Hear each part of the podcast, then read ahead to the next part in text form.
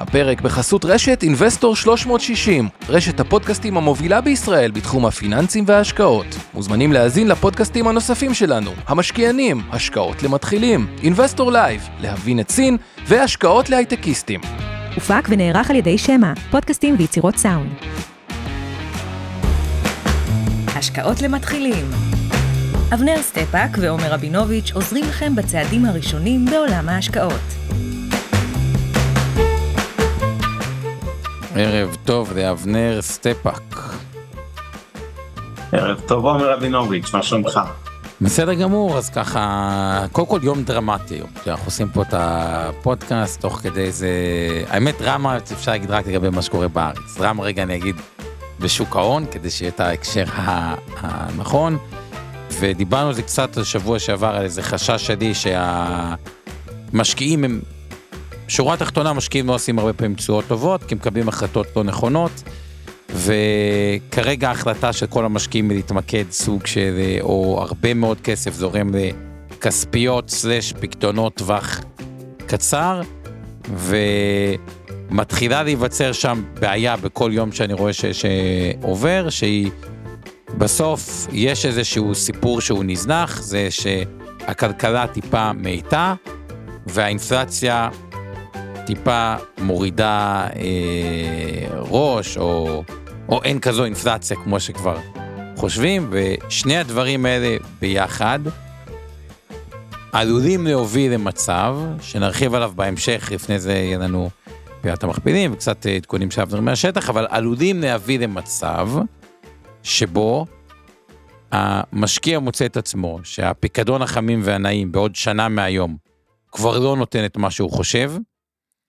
אג"חים כבר יהיו אחרי מסע עלייה כי איפה שעדיין יש נקרא לזה בשר או תשואה עודפת טיפה המרווחים שנפתחו יתחילו גם המרווחים להצטמצם וגם התשואה האבסולוטית כל העקום ירד כלפי אה, מטה אה, ומחירי המניות יהיו קצת יותר גבוהים וסימן לזה ראינו היום, שכאילו האינפלציה בארה"ב הייתה קצת נמוכה, האג"חים הארוכים עולים מאוד חזק, כלומר, מי שהיה בפיקדון פספס את העלייה באג"ח יותר טווח בינוני ארוך, מי שהיה בפיקדון פספס את העלייה החזקה שהייתה אה, במניות, ולמעשה, כשהוא ירצה לבצע שינוי בהמשך, הוא ימצא את עצמו במצב שגם שוק האג"ח יותר גבוה, גם שוק המניות יותר גבוה, והוא די עובד עצות. אז ככה, זה איזשהו נרטיב אחד שמקבל כל הזמן עוד חיזוק קטן ועוד חיזוק קטן.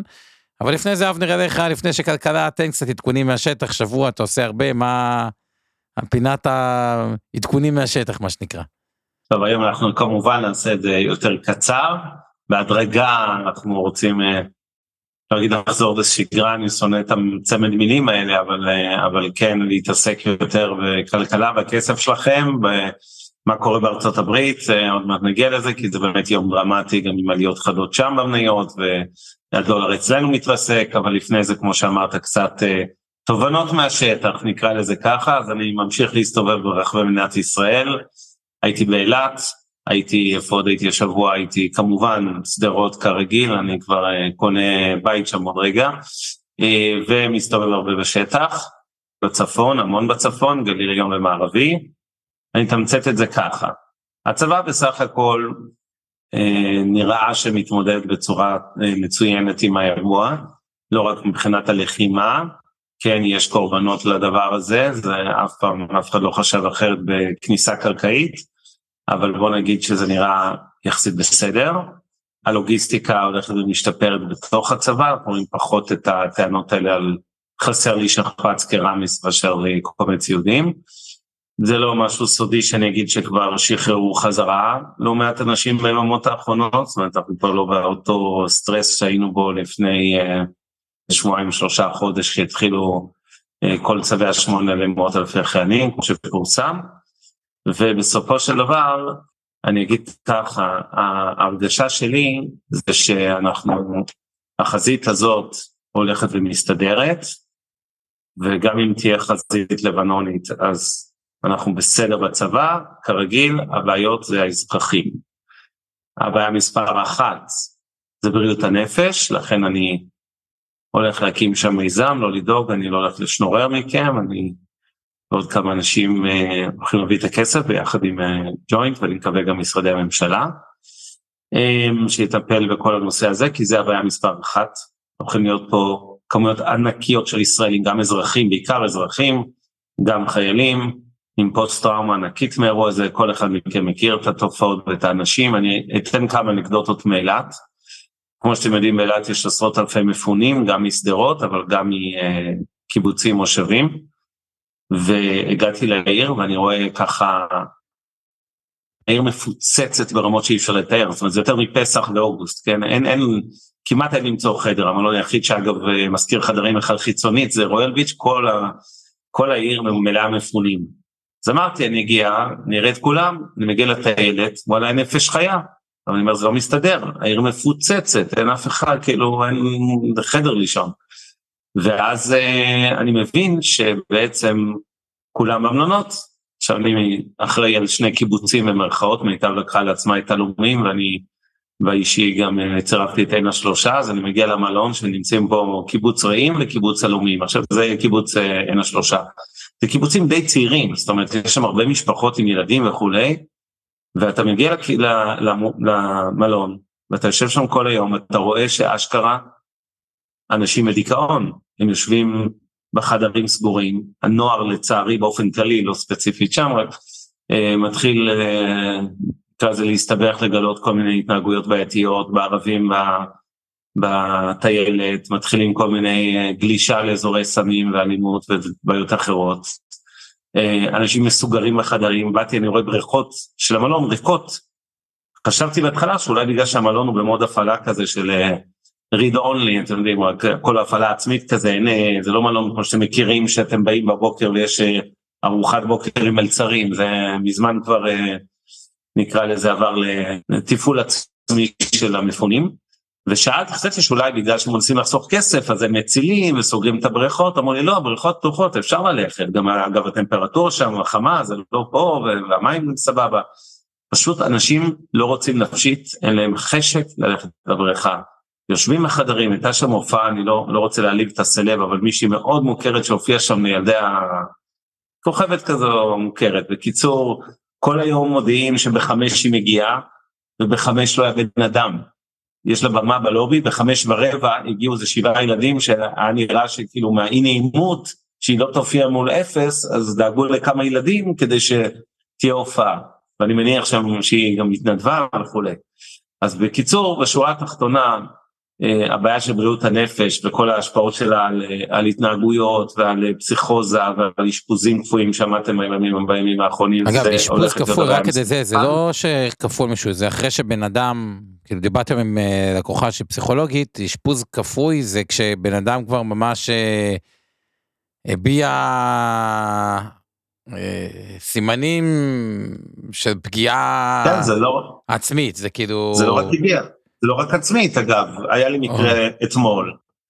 אימא שיצאה לטיול התאווררות עם הילדים, עם כל השכונה משדרות, האבא אה, של אחד הילדים שהוא היה מן ההורה המלווה, האימא הייתה בטוחה שהוא הרביץ לבן שלה. לא היה ולא נברא, כולם יודעים את זה וזה, היא התחילה להשתולל, נכנסה להתקף פסיכוטי ממש, אשפזו אותה בכפייה, בדיוק המקרה, אין בכלל ספק שהוא לא נגע ולא עשה כלום, אבל היא התחילה להשתולל ולצרוח ולא הייתה מוכנה להתפנות ולחזור לאוטובוס ולנסוע ודברים הזויים. לא ניכנס לכל הפרטים זה פחות חשוב. זה בעיה ענקית. בנוסף לזה יש עוד הרבה בעיות נלוות כמובן תופעות שליליות כמו שתיארתי אצל הנוער מבוגרים שנכנסים לאלכוהול בהרבה מלונות בלילות אתה תסתובב בלובי אתה תראה את המבוגרים שבקושי הרימו יין בכוס קידוש ביום שישי הם עכשיו פתאום אה, חלקם גילו אלכוהול, זאת אומרת יש הרבה דברים שבתהליך מאוד שלילי וצריך מהר מהר לעצור את זה. אז אני מסתובב כאמור בשטח ואני בעיקר על אזרחים, אבל גם אה, המון ביחידות צבאיות. ואני חייב להגיד משהו על נושא המגזר החרדי, שכידוע אצלנו זוכה להשמצות רבות בשנה החולפת גם סביב הגיוס, ומצד שני תמיד מביאים את הדוגמה של זק"א. אז אני דווקא רוצה קצת לגמד את הדוגמה של זק"א שהם אנשים שעושים עבודה קדושה אבל בסוף זה כמות מוגבלת של אנשים. וכן להזכיר שמעבר לכמה אלפים שבאו להתגייס לצבא, המון מהחסידויות שרובן אגב לא ציוניות, כן, בהגדרה, זאת אומרת הם לא מתגייסים, הם גם לא ציונים, הם מצהירים את זה, כן, כמו קרלין למשל, החסידות שאני מלווה בה, הם מלווים אותי ליתר דיוק בשבועיים האחרונים, זה פשוט מדהים, האדמו"ר אמר לחסידי קרלין, זו חסידות די גדולה, חבר'ה, התפקיד שלנו זה, זה לעזור לחיילי צה"ל, אז מה זה לעזור? אנחנו לא יכולים להילחם כי אנחנו לא הולכים לצבא, אבל אנחנו נשמח אותם, ואנחנו הולכים לבקר אותם בבתי חולים, וכל מה שמתעסקים מהבוקר עד הלילה זה לארגן הרבה ברביקיו ו- וכל מיני כאלה והם הביאו עוד שבוע הייתי באחד מהיחידות הקומנדו הם הביאו את אה, ליפה שכחתי סליחת שם המשפחה זה עומר אדם של החרדים וכזה ראפר חרדי אה, מאוד ידוע מארצות הברית שהגיע להופיע לשמח חיילים הם כל היום מתעסקים בדברים האלה אז אה, תזכרו את זה גם אחרי כי יש לנו נטייה לצערי קצת להגזים אה, לשלילה נקרא לזה. עם החרדים. ועוד דבר מקסים, פגשתי, אני פוגש המון חיילים, חיילות, חיילים. ויש ספינה, אני לא יכול להזכיר את השמות של כל אחד מן הסתם, ופה זה גם רגיש, בגלל התפקיד שלה, שפשוט הדהים אותי לראות, כאילו, איך אמ, בחורות צעירות שמנהלות היום את ה... כאילו, דברים ענקיים בצבא, בסדרי גודל, וזה לא משנה אם זה שלישות של חייל 1,500 איש, או או לעשות דברים אחרים, ואתה רואה פשוט אנשים שמטרטרים, הרבה נשים אגב, בתפקידים חשובים, בגולני, כמו זו שפגשתי, או במקומות אחרים, זה פשוט מעודד, יש uh, עוד מישהי שאני עובד מולה כבר חודש, היא במתפרות של הצבא, היא הרימה קבוצה ענקית של מתפרות אזרחיות. ופגשתי אותה, אני מדבר איתה, מעולם לא פגשתי אותה. ראיתי אותה לראשונה אתמול או שלשום, ילדה בת 22. הייתי בהלם, היא מנהלת פשוט אופרציה מטורפת, כל האנכיות של הצבא, זאת אומרת, עשרות מתפרות שהן תופרות לחיילים של יחידות החי"ר ולסיירות ולקומנדו את כל הדברים הרגישים שהם צריכים, פשוט מהמם. אז, אז כן, אז יש מלא דברים טובים, ויש הרבה שמתנדבים עכשיו לחקלאות במיזם שלי, שקצת הזכרתי אותו בעבר, יד לחקלאי, יש לנו כבר 3,200 מתנדבים שהם 500-600 כל יום מגיעים לקטוף, גליל עליון, גליל מערבי, ביניהם איתן אה, שכותב לנו פה על אה, יעבדו בחקלאות, אתה יודע כמה חרדים מתנדבים אצלי בחקלאות, לא, לא עובדים בשכר, אה, לא רק חרדים כמובן, אבל באמת יש, יש התגייסות טוטאלית, ברור לי שעם הזמן שככל שהמשק יחזור לשגרה ולעבודה, כבר נעבור לכלכלה אז יהיה יותר קשה נקרא לזה לגייס אה, אנשים. אה, כי, כי בסופו של דבר הם, אה, אין מה לעשות אנשים חוזרים לשגרה ועכשיו הם מתנדבים ומתישהו גם נקרא לזה גם הכלכלה תכריע כי אנשים לא יכולים לשעות לעצמם להתנדב כל הזמן. אני עכשיו מנסה לחייל אגב את כל התופרים והתופרות במערכת הזאת שהוקמה אזרחית לפחות שיקבלו ימי מילואים כי זה פשוט מדהים מהשמיני לאוקטובר, יום אחרי שבת השחורה, הם פשוט 24/7, אתם באים לשבת בצהריים, לבצל, בצלאל, שנקר, HIT, ויצו חיפה, אתם פשוט רואים עשרות ועוד מלא מתפרות בברור חיל, בפרדס חנה ובאר יעקב, בכל פינה במדינה, עשרות חבר'ה צעירים שרובם שירתו בתפקידים דומים בצבא, פשוט יושבים ועושים כל מיני גאדג'טים, נקרא לזה לצבא, אה, בהתנדבות, אה, וזה מהמם. אז אה, אני רוצה טיפה לנסוך אופטימיות למרות כל מה שאמרתי על העניין של בריאות הנפש שזה המלחמה הגדולה הבאה שלנו ולהגיד לכם שאנחנו לא רק ננצח זה כולנו יודעים עזבו את הסיסמה זה גם קורה במציאות אלא כמה שאנחנו עכשיו בדיכאון כללי ואני יודע שאנשים אין להם חשק לכלום ו...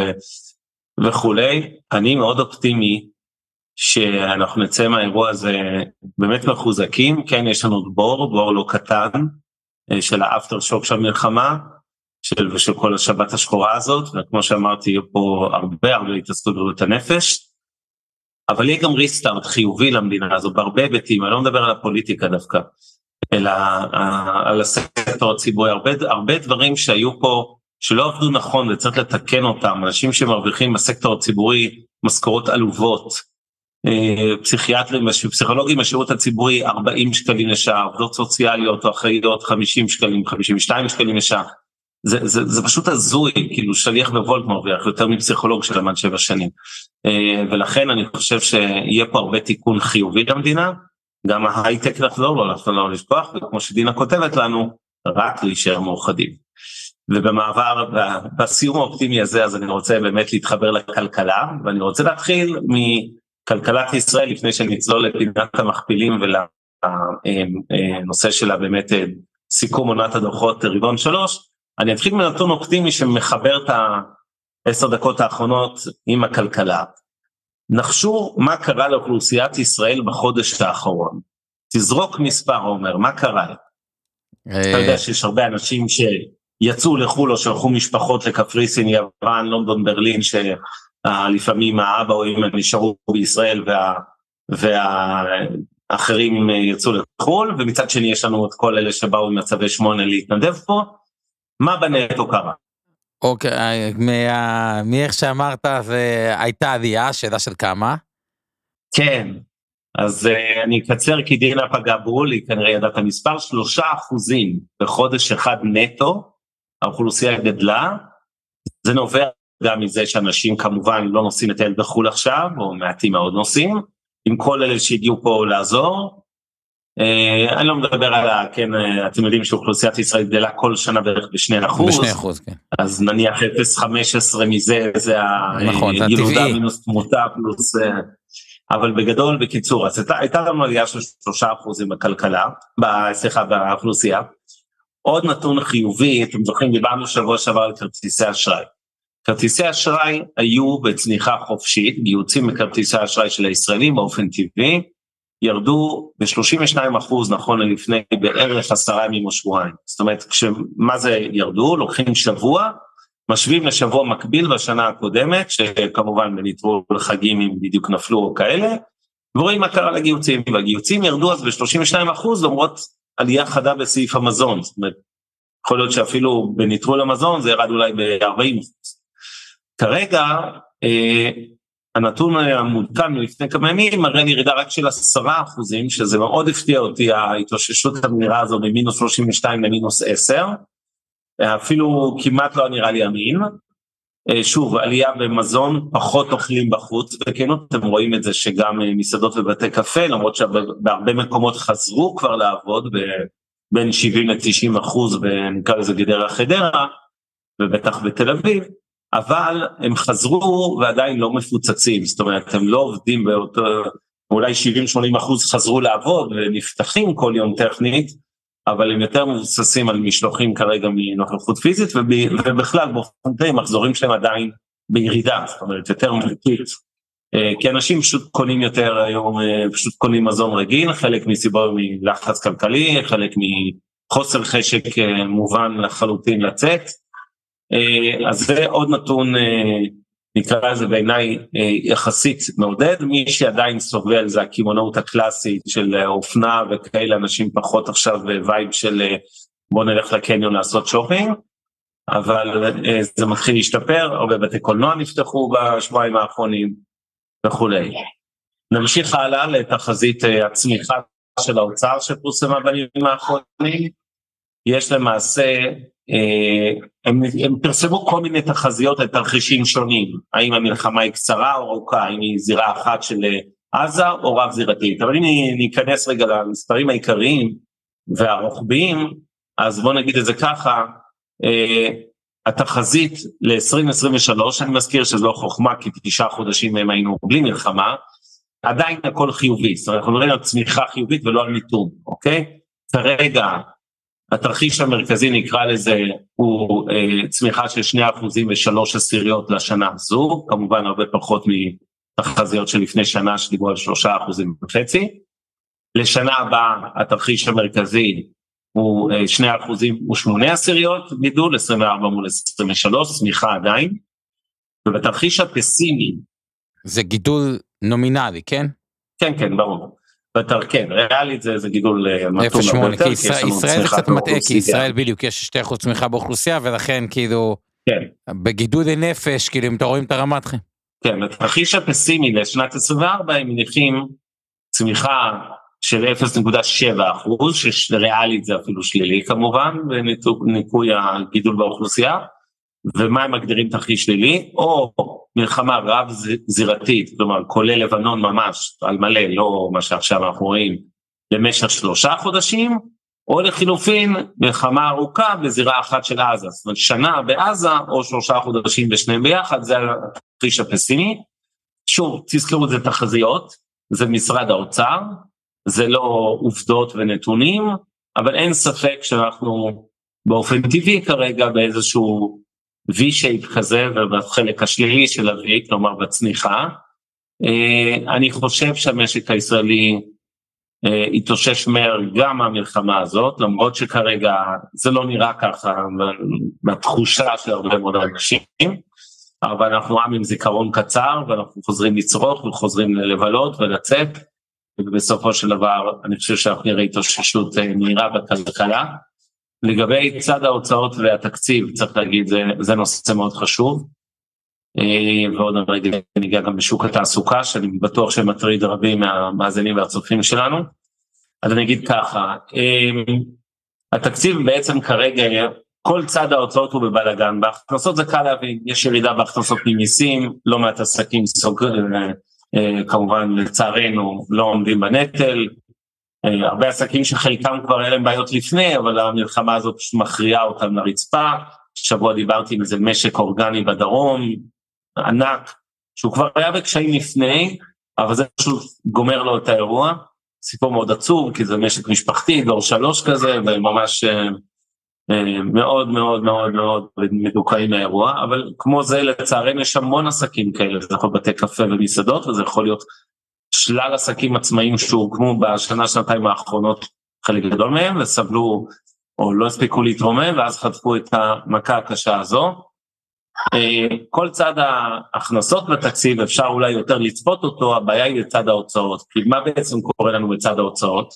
מצד אחד זה ברור שהמדינה תצטרך לקצץ משמעותית, לא רק את הכספים הקואליציוני שבחלקם הם הזויים, וזה מדהים אותי שהם עדיין מתעסקים בכלל בדברים האלה עכשיו, אלא גם לפגוע בתקציבי הבסיס של משרדי הממשלה רוחבית, גם ברווחה, בחינוך, בבריאות וכאלה. מצד שני, המדינה שופכת הרבה מאוד כסף של ליווי של אה, כן אה, פיצויים למפונים, פיצויים למלונות, תשלומים למלונות, פיצויים לעסקים כמובן. ההיקפים עוד לא ברורים, זה יש פה איזה אפקט אה, מנוגד, מצד אחד שופכים כסף בהוצאות ומצד שני יצטרכו לקצץ ולא ברור, ברור שישפכו יותר כסף ממה שיקצצו, אבל זה באמת מלכוד לא פשוט כי התחלתי את. המונולוג הזה על הסקטור הציבורי והייבוש שלו וכל הבעיות הכלכליות שם, אם יבשו אותו עוד יותר, אוקיי, אנחנו גם ככה במשבר במערכת הבריאות, מערכת החינוך, עוד לפני האירוע הזה, רק לדמיין מה יקרה אם עוד יבשו את זה יותר.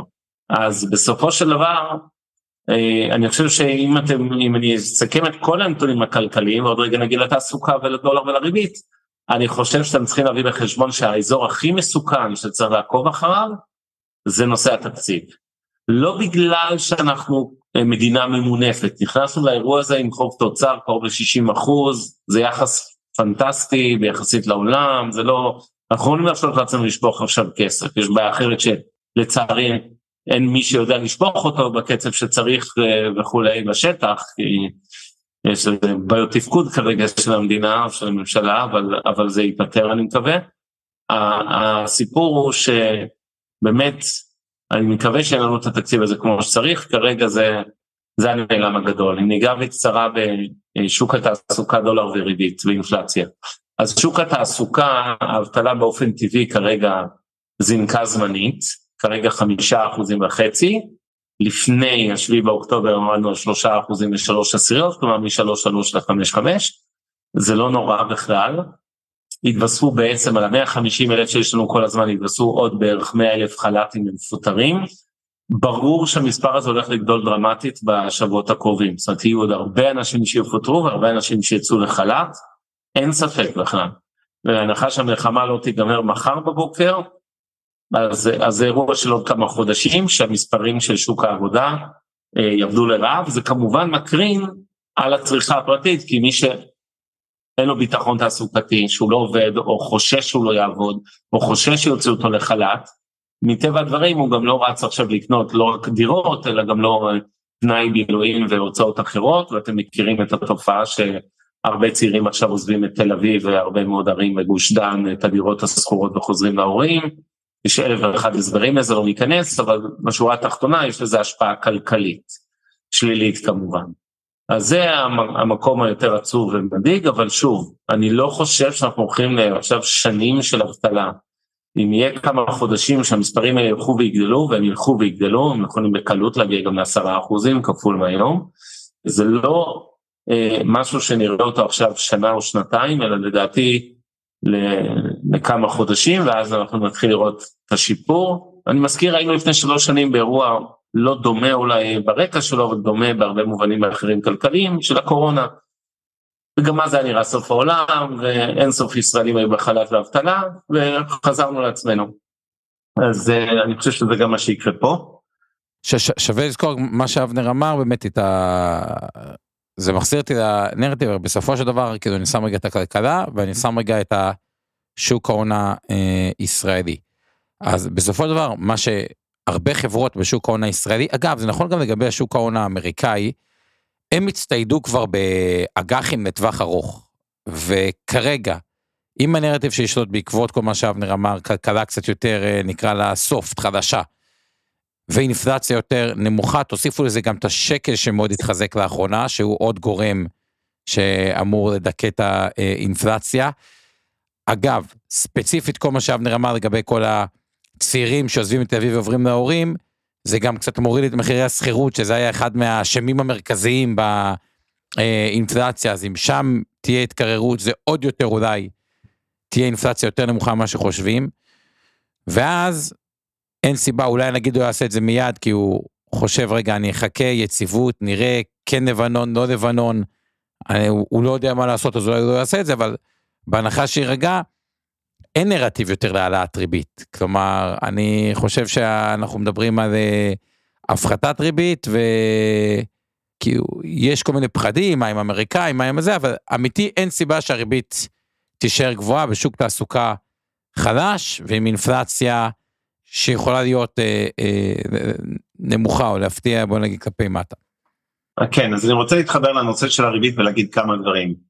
אתם מכירים את תזה הבסיסית שלי כבר שנתיים אני מדבר על זה שנה וחצי שהריבית תרד לאט ומעט וייקח לה הרבה זמן עד שהיא תרד וזה היה לפני האירוע הזה. באירוע הזה שיניתי כאמור את התפיסה ואמרתי אוקיי אה, הוא יוריד יותר מהר הוא גם אמר את זה קצת בעצמו אה, וכולי. מה שקצת השתנה בימים האחרונים שצריך לשים לב אליו, שני דברים, אחד, כמובן, זה לא חדש, הלחצים האינפלציוניים, כל אחרי חודש כזה אתם יכולים להבין שמגמת ירידה, נתת אומר דוגמת השכירות, יש עוד הרבה דברים אחרים, אז, אז אני נגיד פחות מודאג מאינפלציה. והדבר השני שצריך להגיד לגבי הריבית, אה, זה שהנגיד מוכר דולרים, כרגע כנראה שאין מכירות מתחת לארבע או כמעט שאין, אבל שימו לב שהדולר כרגע היום אחרי המסחר ירד מ-3.80 אפילו ל-3.76 אוקיי? 3 שקלים 76 אגורות אני מזכיר לכם כבר היינו מעל 4 שקלים רק uh, החודש 4.08 כן? לפני פחות מ-4.08 בשיא של שיא של הרבה שנים. ותודה לפרגון למי שפרגן לנו על מה שדיברנו זה בדיוק הנקודה שאתם צריכים להביא בחשבון. שהדולר בבסיס שלו, מעבר לזה שצריך להגיד בכנות, חלק גדול מהירידה הזו היה בגלל ירידה עולמית. אם היינו מנטרלים את החלשות הדולר בעולם בשבוע האחרון, הדולר היה היום על בין 3.90 ל-3.92, אוקיי?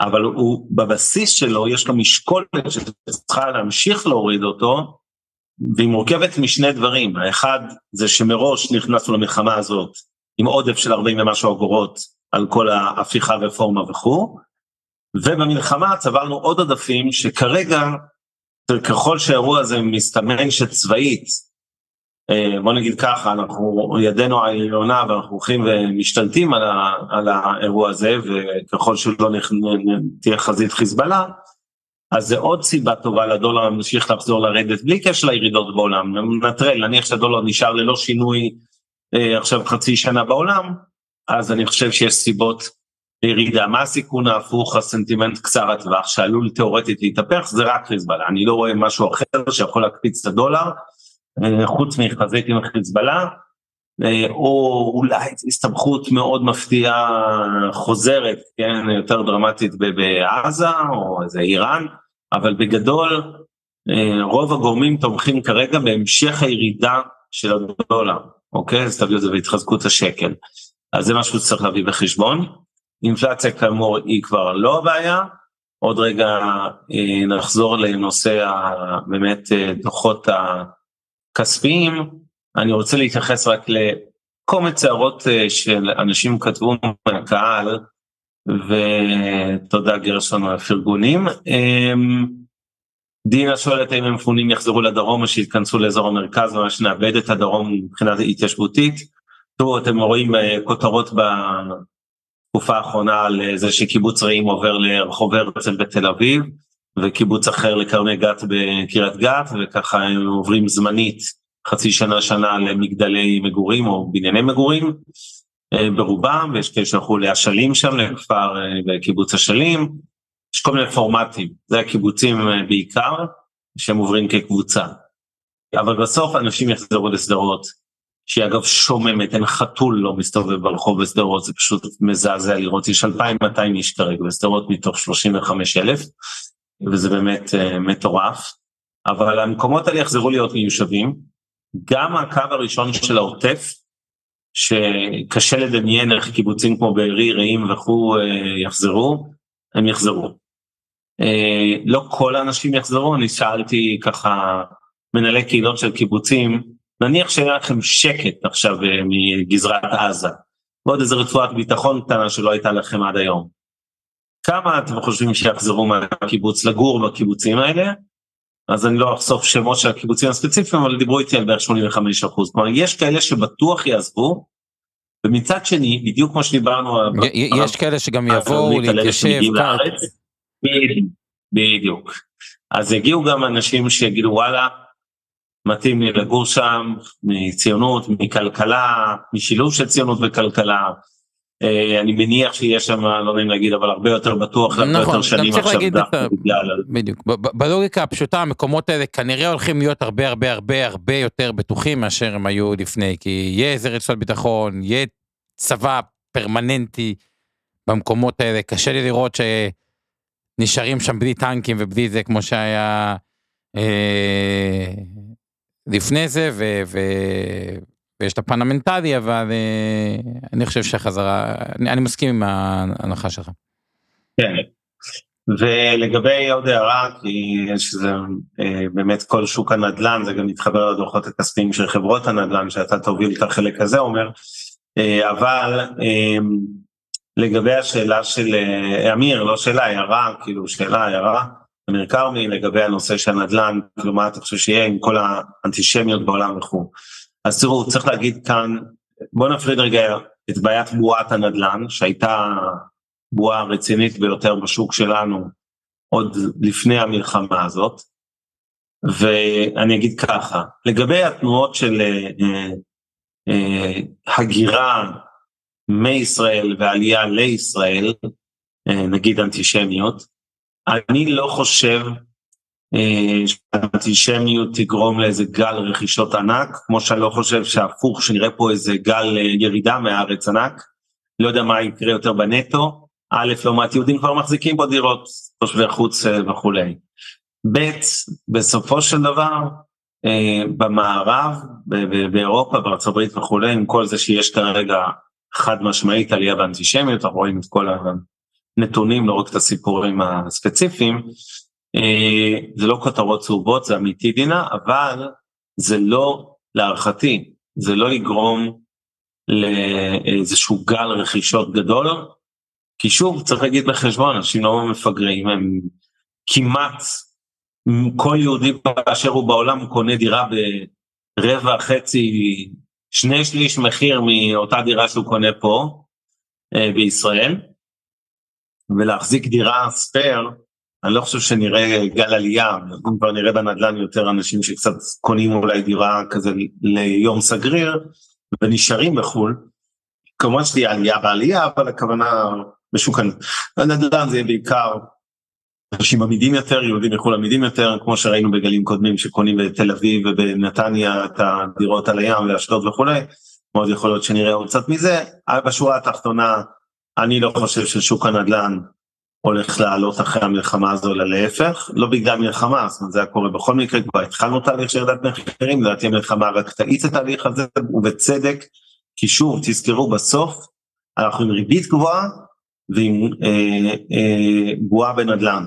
וזה שילוב אה, קטלני, בדיוק כמו ששנים ארוכות הריבית הייתה סביב האפס, וזה פמפם את שוק הנדל"ן למעלה, זה עובד בדיוק אותו דבר בכיוון ההפוך, כשאנשים מקבלים 4-5 אה, אחוז בפקדונות או כספיות, זה 6 אחוז בדולרית ששיר מזכירה, וברקע, וכל הדברים האלה, אין היתכנות בעיניי להמשך אה, עליות אה, בנדל"ן, להפך, אני חושב שנראה ירידה אפילו מואצת. אני לא קונה את הסיפור של ביקושים אה, כבושים שיר, תראי כמה אנשים עכשיו עוזבים דירות שכורות, הם כבר היו בחוץ והם חוזרים הביתה, אבל בסדר, אנחנו כנראה נשאר חלוקים, את חושבת שנראה פיצוץ למעלה? בוא נראה.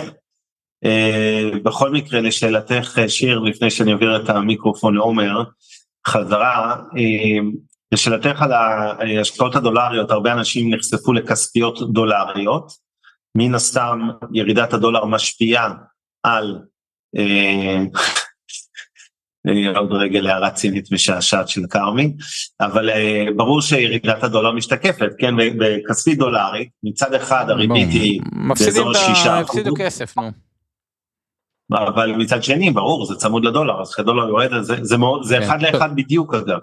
אז אם את מסתכלת בערכים דולריים, לא תפסידי כלום, נכון? את עדיין תקבלי 6% בערך תשואה גלומה בקרנות האלה, ובדולרים יש לך אותה כמות, אם מסתכלת מזווית של שקלים להבדיל, אז ברור שירידת הדולר, באמת אה, כמו שכתב לשקלים, אז בירידת הדולר גורמת אוטומטית, זאת אומרת אם הדולר ירד בחמישה אחוזים בלי קשר לריבית, אז המאה נהיה 95 אלף שקל.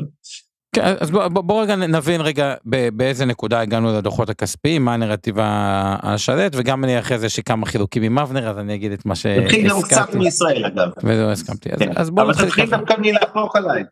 את ה... לא, בוא נתחיל ככה קודם כל על התשואות אג"ח שהולכות ויורדות.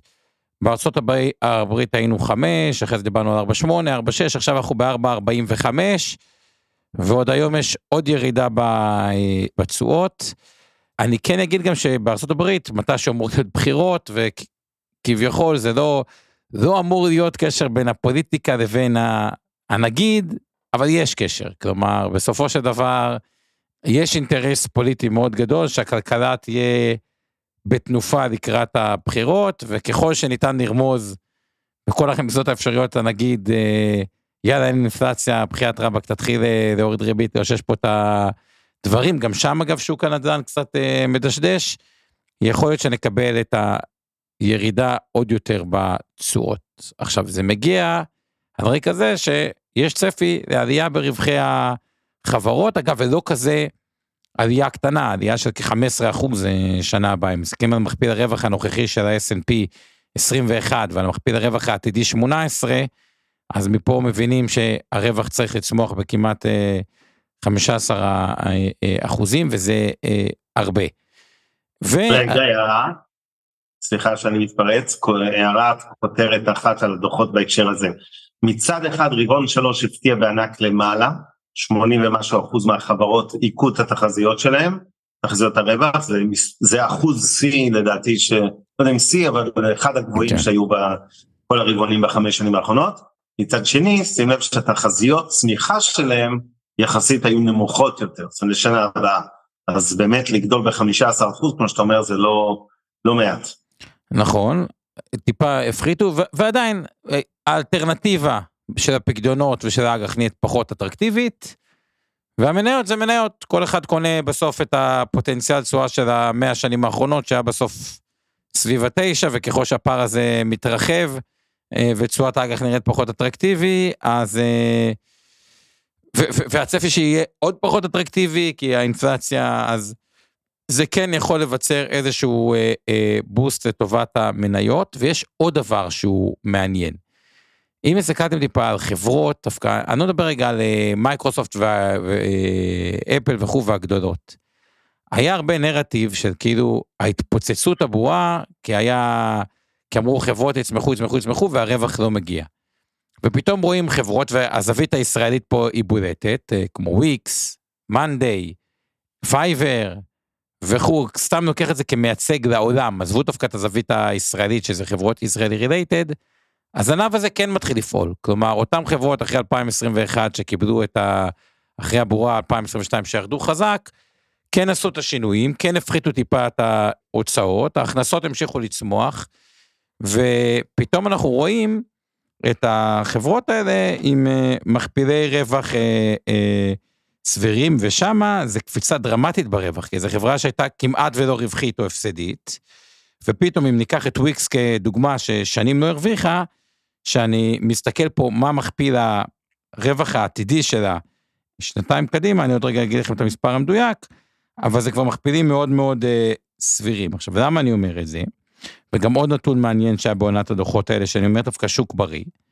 אה, רק על וויקס, כדי שאני אסכם את זה, פתאום וויקס, אם אנחנו מסתכלים עליה, מכפיל רווח לפי הצפי, שאגב הפתיע מאוד בדוחות, ל-2025, הוא פתאום 12.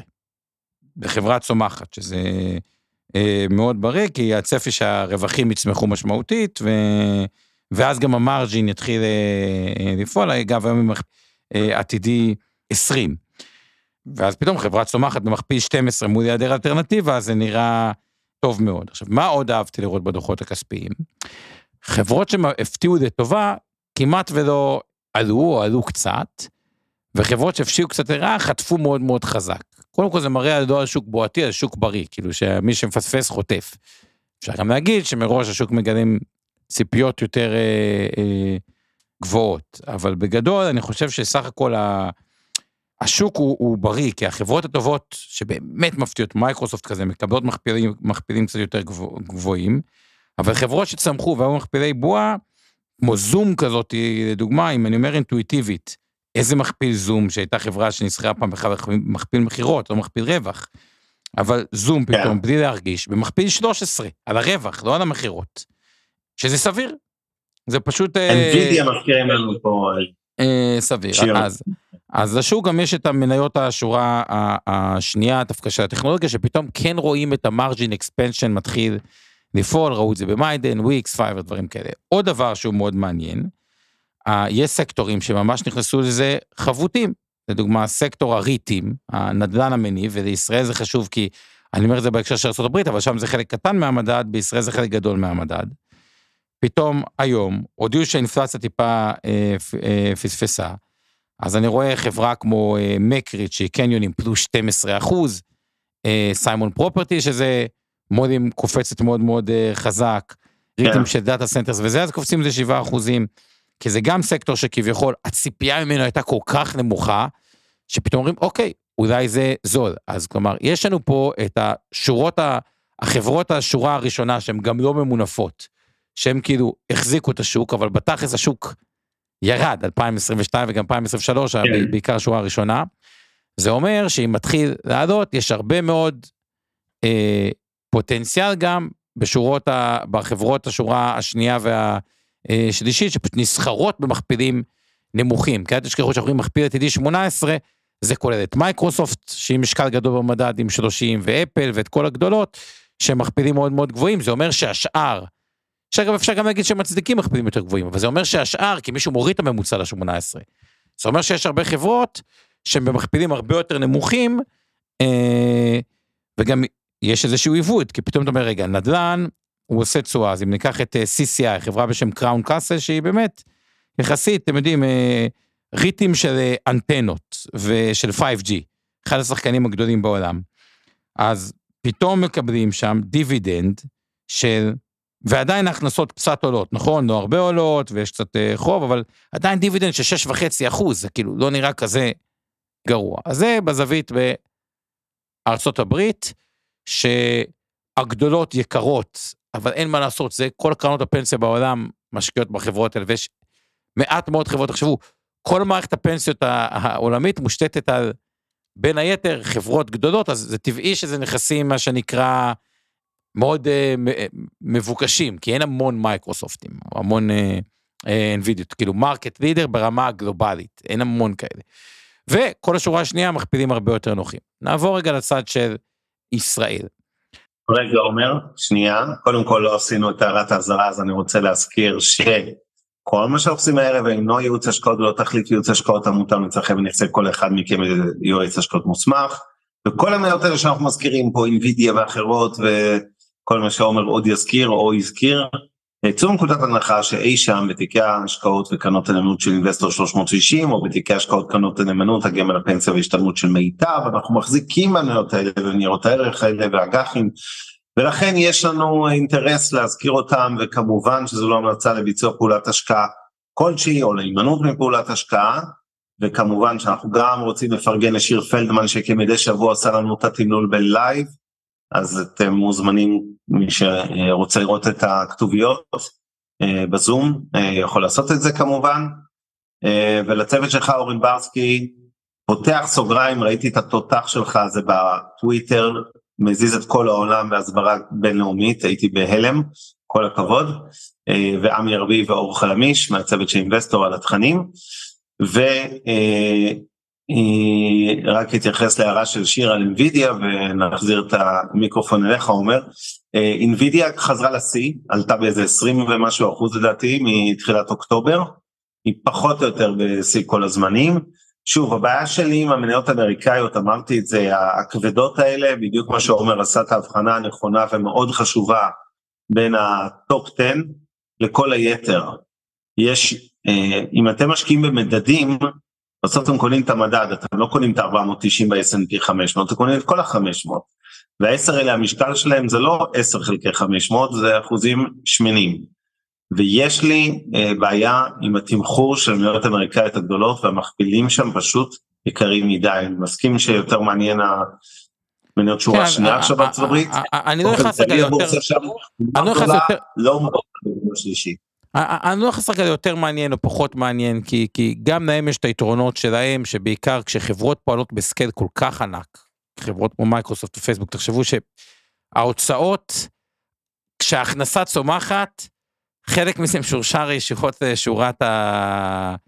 הרווח, אז יש שם את היתרונות שלהם. אני, אני דווקא התכוונתי, אבנר, יותר בהקשר של אוקיי, אם הגדולות כבר מתומחרות יקר, ובוא נגיד שהן מתומחרות יקר, אבל גם יכול להיות שהן מצדיקות את זה והן יהיו עוד יותר יקרות. כלומר, אני לא רוצה לצאת בהכרח נגד הגדולות, כי, כי יש את היתרונות שלהן. אני רק אומר, בקטנות, זה אומר שהן לא מכפיל 18, מכפיל הרבה יותר נמוך. ומכאן יכול להיות גל עליות יחסית חזק, כי, כי יש הרבה אה, חברות כאלה. עכשיו, עוד דבר נוסף ששמתי לב קצת בדוחות האלה, הזכרתי את זה לגבי אה, פייבר וכו', אבל שימו לב, שעוד תופעה שהייתה, זה התחיל בקורונה וזה המשיך אחרי זה אוקראינה אה, וכו' וגם ריביות, תסתכלו נגיד מקרה שקרה בסולאר אדג' וגם אפשר להסתכל על טאוור הישראלית. טאוור הישראלית נגיד פרסמה דוח שטיפה פספסה בו. אה, ואז היא ירדה שישה אחוזים, ואז הייתה שיחת משקיעים, לדעתי זה היה באזור השעה חמש או חמש וחצי, כי בארץ זה עדיין היה מינוס שש, ופתאום היא עברה לפלוס שלושה אחוזים, או ארבעה אחוזים, עכשיו זה קיצוני, תחשבו, זה, זה, זה מהלך תוך יומי של עשרה אחוזים. עכשיו, מה אני רואה? אגב, סולארג' גם קופצת מאוד. עכשיו, עוד דבר שיכול לפעול לטובת שוק המניות, בכל הטרללת הזאת של שרשראות האספקה, שבינתיים הספיקו קצת להסתדר, אז היו הרבה חברות שהיה בהן עודף מלאי. בכל מיני אה, אה, תחומים אגב, גם בתחומי השבבים אגב, הייתה חברה ישראלית לדעתי פולירם, שמה שקרה שם, ההכנסות, אז, אז היה לה, כאילו הם מוכרות ציוד לספקים, הרי הרבה פעמים אתה לא מוכר הכל בעצמך בחברה ישיר, אתה עובד דרך סוכני משנה. עכשיו סוכני משנה, כשהיה תקופה כלכלית טובה, ופחדו קצת שרשרות אה, אספקה, הצטיידו טיפה יתר על המידה. ואז הרבה חברות שפתאום, בגלל זה ראית כאילו בום צמיחה בהכנסות, כאילו, בהכנסות, ופתאום מה שקורה זה כאילו, יש ואקים, עם ואקום, עם הספקי משנה, יש עודף מלאי, אז זה מוכרות הרבה הרבה פחות. כי כאילו פתאום הלקוחות אומרים, רגע, תנו לנו קודם כל להיפטר מהסחורה, ואז באמת ראית פגיעה. אבל גם שמה, אוקיי, אז עבר, ואז נראה לא טוב רבעון שניים, אבל גם שם הסוכני מכירות שם אה, כביכול, שהיה להם אה, את העודף מלאי, נפטרו ממנו. איפה ראיתי את זה? בדוח לדעתי שזה היה של אה, פולירם, ושוב, לא המלצה לשום דבר.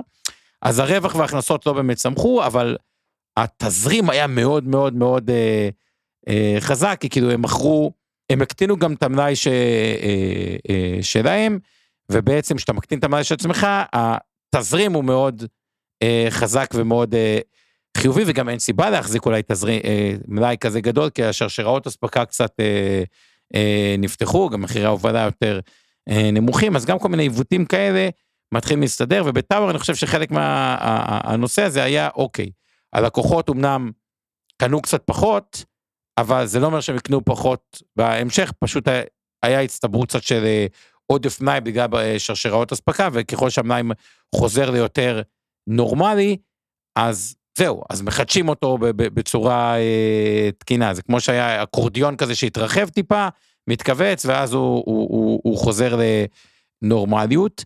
למה אני מזכיר את כל הנושא הזה?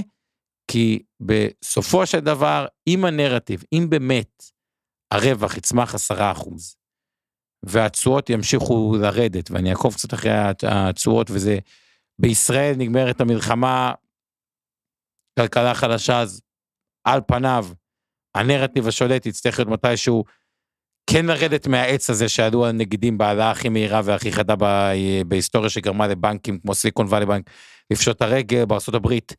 בחירות ועוד דבר.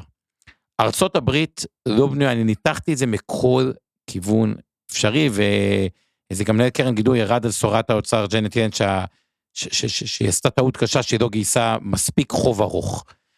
ארצות הברית עם חוב של שישה טריליון לא בנויה לשלם חמישה אחוזים על החוב שלה, זה 25 אחוז מהתקציב, רק כדי להבין, עד לפני כמה שנים זה היה 600 מיליון, כלומר 10 אחוז מהתקציב, זה כאילו עוד 15 אחוז מהתקציב שכאילו התאדה, ופשוט לא בנויים לשלם את זה.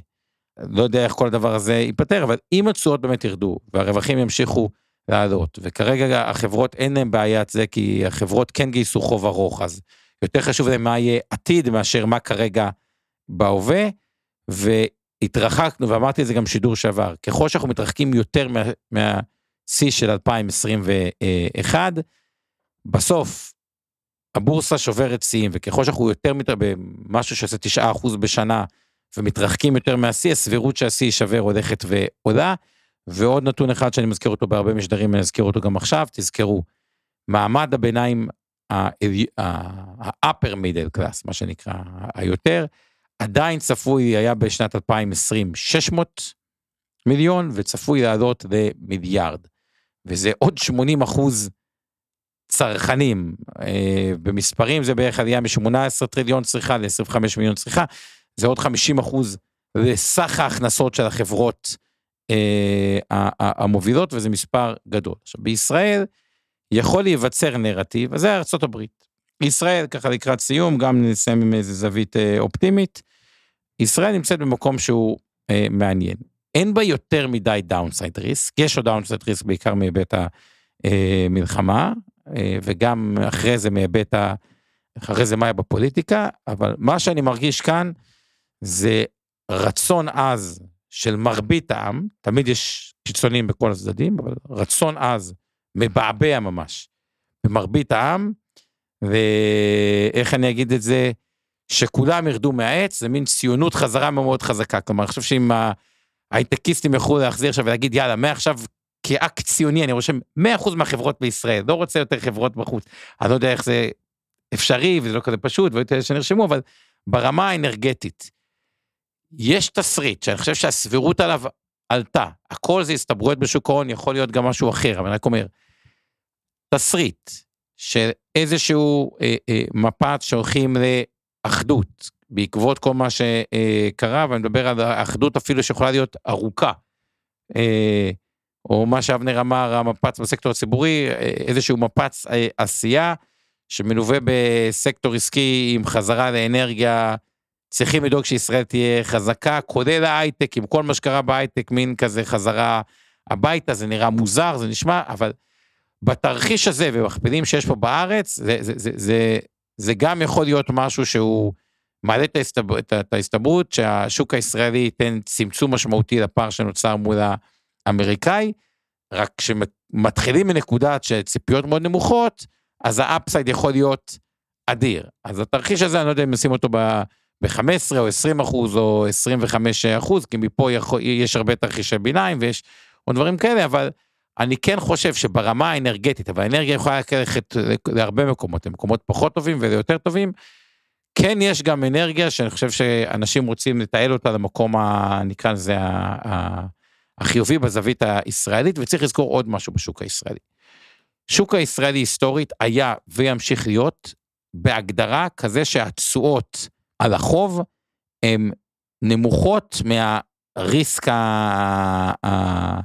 האמיתי כתוצאה מביקוש יתר. למה ביקוש יתר? המוסדים הישראלים עומדים היום, ואני שם רגע את הוותיקות בצד, אני מדבר על קרנות ההשתלמות, קופות הגמל, פוליסת החיסכון, האזורים האלה, תיקוני 190, מסלולים כלליים, 24-25 אחוז חשיפה אה, אה, מט"חית. הם לא יכולים לקנות אג"חים, הם יכולים ממש, אבל, אבל בקטנה את הנושא של אג"חים בחו"ל, כי על כל מספר, אם אתם מסתכלים את הפער בין ה-4.45 תשואת אג"ח ארה"ב ל-4.31 תשואת אג"ח ישראל ל-10 שנים, תוסיפו לזה את עלות הגידור ב-2% ואתם מקבלים שפתאום אג"ח ארה"ב נותן במונחים שקליים 2.5 ל-10 שנים. ולכן השוק הישראלי, שהוא אחד מהשווקים עם החיסכון השוטף הגבוה בעולם, היא ממש מהגבוהים בעולם, לא כאילו בטופ, כאילו ממש מהגבוהים בעולם. חיסכון השוטף הישראלי, בגלל מערכת הפנסיה, פיצויים, קרנות אה, אה, השתלמות אה, וכו', אז השילוב הזה של המון המון כסף כבר שיושב, שחלקו מחפש תשואה סולידית בשקלים באותם אפיקים, הוא דוחף את התשואות כלפי מטה. תשואות כלפי מטה לסקטור העסקי, זה אומר שה equity אמור להיות שווה פרמיה, לא מינוס, כי אם יש שוק שבו החוב הוא יקר, ה equity שווה פחות, ה equity הכוונה האפיק המנייתי. אם יש שוק שבו הוא יכול לגייס חוב זול, ובהנחה שיש לו מנהלים, נגיד אתה עוסק במיטב בפיתוח עסקי, אוקיי, יכול להיות שאתה עושה את זה טוב, יכול להיות שאתה עושה את זה אה, מצוין, יכול להיות שאתה עושה את זה פחות טוב, אני לא נכנס, אבל בוא נניח רגע שאתה, שמה שנקרא פיתוח עסקי שהמהות שלו זה capital allocation, capital allocation זה היכולת לקחת כסף ולהשקיע אותו במקומות שהקפיטל, בגלל זה קוראים לו קפיטל, אה, האלוקציית הון עושה תשואה טובה. ככל שעלות החוב של אבנר לדוגמה, כחברה ציבורית, של חברה פרטית, פשוט בחברה ציבורית זה עוד יותר בולט כי אפשר לגייס חוב, יותר זולה, בהנחה שיודעים לעשות אלוקציה טובה לקפיטל הזה, זה אמור לייצר פרמיה, איפה ראינו את זה לאחרונה, שדנה עזריאלי, אני לא יודע אם זה דנה או, או המנכ"ל שלו, הובילו את זה, גייסו חוב בריביות מאוד מאוד נמוכות, קנו אופרציה של דאטה סנטרים, מכרו אותה ל private equity, יצרו רווח הון. הסיבה שהם בכלל יכלו ללכת, כאילו מה פתאום הישראלים קונים דאטה סנטרים בחו"ל, מאיפה הגיעו לזה? הבסיס, בסיס, בסיס של זה, זה שעלות החוב פה היא זולה, וזה גם פועל לטובת השוק הישראלי, נושא הזה של הרבה אה, כסף. אבנר, אז אני חושב שסך הכל להיות מאוזנים זה הגישה הנכונה. לצ... הפקדונות הזה זה יכול להיות ממש מלכודת מסוכנת, אז דיברנו על זה גם משדר שעבר, שיש אג"חים במח"מ בינוני שאפשר לתת פה דאבל רווח, טיפה על הירידה אה, תשואות וטיפה על הירידה ב, אה, במרווחים, אבל איך שאנחנו רואים את זה באינבסטור, השינוי שאנחנו עשינו האסטרטגי אחרי מחודש שעבר, זה פשוט להבין שהפקדונות כספיות זה האזור המסוכן וצריך להתחיל לחשוב איך יוצאים ממנו, אבנר אליך. טוב, אני רוצה לסכם בכמה נקודות, יש אה, שיח סוער בצ'אט שלנו, אבל לסכם אה, בכמה נקודות אה, ככה, בוטום ליינס נקרא לזה, שורות תחתונות של מה אנחנו בעצם אומרים כאן היום, וברוב הדברים אנחנו גם מאוד מסכימים. אז קודם כל, שוק המניות בישראל נראה בסך הכל אטרקטיבי, למרות ואולי בגלל המלחמה וגם העובדה שעוד רגע לפני המלחמה הזו היינו אחד הגרועים בעולם בפיגור גדול אחרי הבורסות בחו"ל, הפיגור הזה התרחב מאוד גם אחרי המלחמה, אני חושב שבהכללה הבורסה פה היא מהזולות בעולם, אני תמיד מזכיר לחיוב את הבנקים ולשלילה את מניות הנדל"ן, אני עוד לא מרגיש ששם יש איזה מציאה במניות הנדל"ן. אה, לגבי נושא אה, המטח, אז אמרנו בשלב מוקדם יותר, אני אחזור במשפט, אני לא חושב שהדולר, הדולר הוא אסימטרי, זאת אומרת בבסיס שלו הוא אמור להמשיך להיחלש בלי קשר רגע, או בהנחה רגע שבעולם הוא לא יזוז, אה, אז אני חושב שהוא צריך להמשיך להיחלש, למעט עם תרחיש הסתבכות מהותית במלחמה, אה, אבל המשקולת הבסיסית היא למטה. אה, ריבית כרגע לא תרד כל כך מהר, טיפה, התחלתי להסביר את זה קודם ושכחתי את הפרט החשוב הזה. הנגיד די רמז בימים האחרונים שכל עוד הוא מוכר דולרים והדולר ככה נחלש, אז לא, הוא לא ממהר להוריד את הריבית. היא תרד יותר מהר ממה שהערכתי נגיד לפני חצי שנה, שנה, אבל לא הרבה יותר מהר. זאת אומרת, ההורדה הראשונה לדעתי באזור ינואר הקרוב, והוא יעשה עוד איזושהי הורדה, אם לא נראה פה אה, ממש קריסה של שוק העבודה מעבר להמשך הירידה שלו בחודשים הקרובים, לא מניח שתהיה איזו ירידה משמעותית. לגבי שוק אגרות החוב, בינוני פלוס נקרא לזה בעולם הקונצרני, לא סופר מרגש. אה, ולכן... טיפה יצמצם המרווחים, עדיין קיים אבל, עדיין אפשר בפינצטה לבחור. כן, זה, זה לא בוננזה, הבוננזה בישראל נקרא לזה נמצאת יותר בשוק המניות מאשר בשוק האג"ח. אה, לגבי חו"ל, שאלו אותנו, אז אני רק אחזור לארה"ב, לגבי הראסל 2000 זה מניות השורה השנייה, אגב, יש גם סוג של שורה שנייה גם בתוך ה-S&P והמנאזק מתחבאים, אז הראסל הוא לא מאוד זול, הוא עדיין מכפיל 24, אה, זה לא, אה, אבל זה לא S&P 500, זה לא נסדק קודם כל. אמ, והתשואת דיבידנד של מניות הראסל אגב היא הכי גבוהה, הם מחלקים יותר דיבידנדים מאשר נסדק ו-S&P באופן טבעי, כי זה פחות הייטק, זה יותר כלכלה אמריקאית קלאסית. הדבר שמעניין בראסל והופך אותו ליחסית אטרקטיבי או יותר זול נקרא לזה מהבורסה האמריקאית, מהבורסות האמריקאית בהכללה שהן יקרות, כמו שאתם מכירים את עמדתי, אז למה ראסל כאילו נראה קצת יותר מעניין? כי ההתאוששות המהירה של המשק האמריקאי אה, מאוד אה, מורגשת בחברות האלה, בדוחות הכספיים שלהם וכולי. זה לגבי הראסל. אה, לגבי שווקים אחרים, אתם מכירים את עמדתי, לא השתנתה, אסיה צריכה להיות נתח לא קטן מהתיק, ואסיה זה לא, זה בעיקר לא סין, אני מדבר על כל מה שמסביב. וישראל צריכה לגדול בהקשר של השוק המניות ספציפית. Uh, עוד מילה לגבי uh, להערה האחרונה או שאלה של חגי האם הורדת ריבית שמתישהו תגיע בקרוב לא תגרום חזרה לעליית הדולר לא. לא הולך, uh, לא, לא הורדות של פעמיים רבע אחוז באיזה שלושה ארבעה חודשים, זאת אומרת חצי אחוז ההורדה לא תגרום לשום דרמה.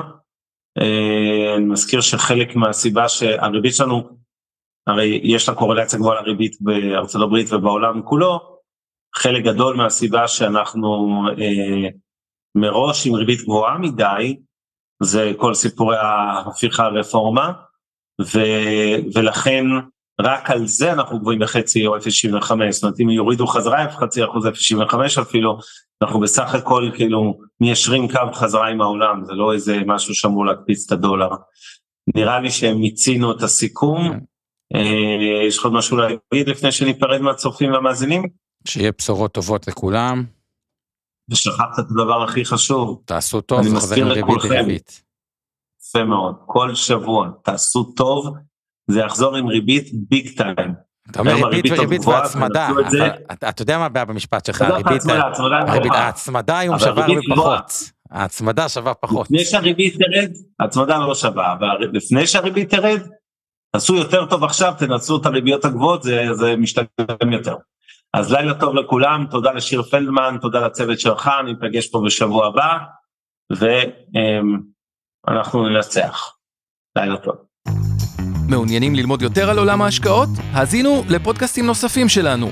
המשקיענים, אבנר סטפאק ועומר רבינוביץ' בתוכנית אקטואלית עם כל מה שחם בעולם ההשקעות. Investor 360 Live, אורן ברסקי ועומר רבינוביץ' מארחים את בכירי שוק ההון ומבינים את הטרנדים החשובים לשנים הקרובות. להבין את סין עם יובל ויינרב, עם כל מה שרציתם לדעת על הענקית מהמזרח, השקעות להייטקיסטים עם צח איציק, שיבנה איתכם תוכנית כלכלית להגשמת החלומות שלכם, והפודקאסט ההשקעות למתחילים, לכל מי שעושה את צעדיו הראשונים בעולם ההשקעות.